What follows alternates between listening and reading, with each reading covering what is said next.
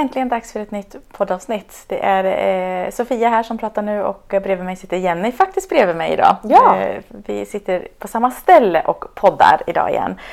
Eh, och vi jobbar med personlig utveckling och ledarskap genom coaching, utbildningar och yoga. Eh, och det tycker vi är så himla roligt. Och idag ska vi prata beteenden, olika sätt att se på det och eh, ja, med saker som vi tycker är väldigt, väldigt spännande. Mm, Och faktiskt det som också då är intressant, vi som då har eh, olika delar i hur vi gör saker, så är ju allting egentligen samma kärna. Det är bara olika paketeringar av kunskap och olika termer på det, men egentligen samma bakgrund. Mm. Vilket oss, är coolt. låt oss gå in lite mer på det.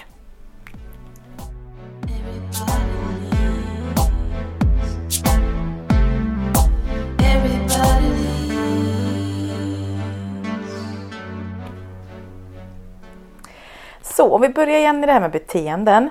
Det är ju lite gött ibland så här, jag är som jag är. Är det ganska bekvämt Ja. liksom, så kan alla andra bara skärpa sig. Exakt. Hade inte livet varit mycket enklare då? Ja, för någon Eller- hade det varit det. Ja, lite så. Och något som vi jobbar väldigt mycket med i, i det coachande förhållningssättet är ju att egentligen göra om, alltså verkligen förklara det här med beteenden. För det är just beteenden. Väldigt många hör jag där ute som pratar med personlighet och eh, har jag gjort en personlighetsprofil så att jag är så här. Mm, ska vi reda ut lite de där begreppen så att det blir rätt? Och det finns ju böcker att läsa på gott och ont om Ja, sådana här saker. Eh, som oftast är väldigt underhållande och roliga. Men om vi faktiskt benar ut det lite grann så vi eh, kan skilja på ändå är och, och gör och, och underlätta livet. Ja, alltså vad vi är om vi ska hårdgöra det, det vet vi ju inte ens själva än. Vad, vad vi egentligen är, alltså hur, hur mycket och vad och var går gränsen för vad vår kapacitet börjar och slutar. För att vi, det ökar ju hela tiden. Det vi trodde att vi kunde nyss har ju blivit ännu mer därför att om vi bara tittar på teknologins utveckling och människans förmågor så ökar det hela tiden och också kunskapen om var och en av oss, oss själva. Så den skulle jag vilja säga, det finns ingen definierad gräns. Alltså, det, det, här är rätt häftigt. Ja, Tänk att det. tänka så bara. Vi är allt och mer. Ja. Och har ingen aning. eller hur? Så vi Hisnande. att liksom, Ja, Häftigt. faktiskt. Så du som lyssnar nu, bara ta in det. Du är. Och bara expansion i det. Mhm. Mm. Ja, det är coolt. Till skillnad då från det vi gör. Och där kommer ju våra beteenden in. Och allting som du gör, du gör egentligen arg, du gör glad, du gör ledsen, du gör motiverad. Motivation, allt det här är ju ett görande. Det är ju ett tillstånd som vi någonstans skapar i oss själva. Eh, och medvetet eller omedvetet. Fast då säger vi så här, jag är arg. Jag Ja, är glad. så att det är ju lite missvisande i så fall. Ja, det för är är det. blir väldigt fast när jag är någonting. Ja. Punkt. För är, precis som du säger, är är någonting som är konstant. Eh, och det kan vara bra. Jag är fantastisk. Ta den tron så är det, alltså kör den, fortsätt liksom, för det stärker ju bara. Men om motsatsen skulle vara att jag inte duger. Då har du ju redan talat om för att det är någonting med dig som inte går att ändra. Och det gör det ju, för det här är ju bara någonting som är temporärt. Precis som att eh, glad är man inte eh, 24-7 och inte arg heller, thank goodness.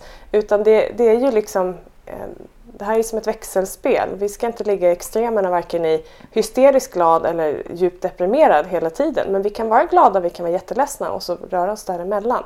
Men det är fortfarande någonting, ett tillstånd som inte är utan det är högst rörligt vilket innebär att det också går att förändra. Och det är anpassat till en specifik situation och specifika personer när det sker. Och jag tror alla kan tänka sig in i att du någon gång har haft en neutral upplevelse eller känsla och så kommer det in någon som bara får dig att asgarva. Alltså då gör du ju någonting för att skapa glädje. Alltså så att vi alla kan sätta oss in i det att vi kan skapa att bli glad eller Ja, och det är inte så att någon Tvärtom. annan kryper in i, i ditt nervsystem och säger nu drar jag på din glädje eller nu tänker jag att jag deprimerar dig eller jag går in här och snor all din energi. Det funkar ju inte så, men vi uttrycker oss så. Problemet med det, det är att vi gör oss kraftlösa för då lägger jag ju ut att det, min existens och min, min, mitt sätt att bete mig och vara och känna hänger på någon annans påverkan. Så Utanför en själv, ja, precis. Utanför en själv, precis. Så du tappar ju möjligheten att eh, liksom styra ditt, ditt liv i din riktning. Då- Eller kan skylla ifrån dig på att ja, men alla andra är dumma så att jag behöver inte göra någonting. Mm. Bekvämt ändå. Men då sa du ett ord alldeles nyss som kanske för några är lite nytt att höra. Deprimerar sig. Ja, Mm. Eh, för du är ju deprimerad, eller? Mm, eller inte. Och det, det är ju också så att tittar man på, och det, jag vill säga med allting så är det det beror på. Allting är relativt. Men för många så har vi en jättefin strategi för hur vi gör oss deprimerade. Hur vi faktiskt har en stegvis process. Den kan gå jättefort. Eh, Den har oftast eh, många steg, den här strategin för att göra det när det är mindre bra saker. Vi krånglar till det för oss internt, omedvetet eller medvetet. Och likadant när vi eh, gör saker som funkar för oss. Fast då är det ofta snabbare, kortare strategier. Enklare kedjor i nervsystemet. Men det är fullt möjligt att ändra de här. För att ändrar du en kedja, om du tar bort en länk så är inte kedjan som den var tidigare. Då kan inte det mönstret fortsätta. Mm. Så det är i allra högsta grad möjligt att ändra och det, det ingår ju otroligt många komponenter i det här men det är väldigt enkelt att påverka. Kanske inte alltid att vi grejer det själva men eh, med hjälp. Och det kan ju vara av någon i omgivningen eller professionell hjälp. Eh, med att liksom, ändra gamla mönster, ändra ett kroppsspråk till exempel. Eh, ändra ett andetag, hur andas du? Eh, Så att vi liksom ändrar förutsättningarna för att Ja, ändra Få en annan yttre upplevelse. påverkan, Ja, ja. omgivning, Oh, ja. människor omkring dig. Alltså det finns så mycket och det här har vi pratat ganska mycket om. Eh, Men det där är en jätteintressant aspekt. Att du faktiskt gör, ja, i detta fallet då deprimerar dig om vi pratar det eller gör dig. Ja, och det innebär ju att livet blir faktiskt enklare för det finns ju inga idioter då utan det finns idiotiska beteenden i förhållande till, till situationer som tar fram då mina eller dina idiotiska beteenden. Och alla har ju haft en ful dag eller en ful period i livet och då gör vi ju grejer som vi normalt sett inte gör och tänker och känner likadant. Alltså världen blir ju inte svart för att vi går ut och den är målad svart utan det är för att vi ser den svart av någon anledning. Men vi ser den också ljus och vit av en, en annan anledning beroende på vad, vad livet presenterar och vilka glasögon vi har på oss och vad vi fokuserar på. Eh, och det kan ju låta både som en lättnad men också en provokation. Att ja, men då eh, ska jag lösa allt själv? Ja, fördelen är att du kan lösa det mesta. Eh, att det finns vägar till det. Att det är inte konstant när du inte mår bra. Och vi kan göra mer av det som du mår bra av så att det blir mer konstant. Ja, och med det här vill vi egentligen lyfta bara tanken kring det här med beteenden. Att eh, du kan ändra, du kan påverka och också ha det, ha det med dig. Men det finns ju olika sätt att om, om, liksom mappa in det här. Det finns olika teorier, det finns olika verktyg man kan använda. Vi jobbar ju en hel del med DISK Mm. eh, till exempel, både utbildar i och eh, profiler och, och prata kring. Eh, och då är det viktigt att prata om användningen av det. Så Exakt. det är inte så att ah, du blir så här, du får det på papper. Utan eh, just disk för dig som känner till det är ju ett, eh, ett verktyg just för beteenden. Och att man då tittar på ett, ett givet sammanhang exempelvis. Så, Ett bestämt beteende Ja. i ett givet sammanhang. precis. utifrån den uppgift du har i det sammanhanget också. Och det är ju högst relativt. Och det är inte så att du sitter i en box i en färg eller med en bokstav utan det är i just det sammanhanget som du använder det beteendet. Är det bra eller är det mindre bra? Har jag nytta av att göra mer av det? Har jag nytta av att göra mindre av det eller göra någonting helt annat? Och vi är ju inte ett beteende utan vi har ju flera så frågan är bara vad driver din motivation? Vad är det du helst vill undvika i en konflikt? Varför beter du dig som du gör? Så att vi kan hitta vägar att möta varandra och nå fram lättare och det är det som är det häftiga i det. Att det är ganska enkelt att använda. Modellen är bara en, en förklaring till hur vi kan använda kommunikationen för att nå oss själva och andra. Ja, och det handlar ju i allra högsta gra- grad om personlig utveckling. Att förstå Oh, ja. sig själv bättre eh, och hur, hur du kan anpassa och ändra för att eh, men vara i mer balans och Mm. eh, eh, nå det du, som är viktigt för dig. Mm. Så disk är en sak. Vad finns det mer inom NLP? Jobbar Eh, med? NLP jobbar vi med. Där har vi Virginia Satir som var en fantastisk eh, familjeterapeut som är en av de personer som då modellerades av eh, NLP-grundarna. Och kolla vad är det hon gör som är så fantastiskt. Och hon hade en, också en modell, eller skapade en modell för familjemönster. Hur vi då skapar våra beteenden utifrån rollen vi har i vår familj när vi är små.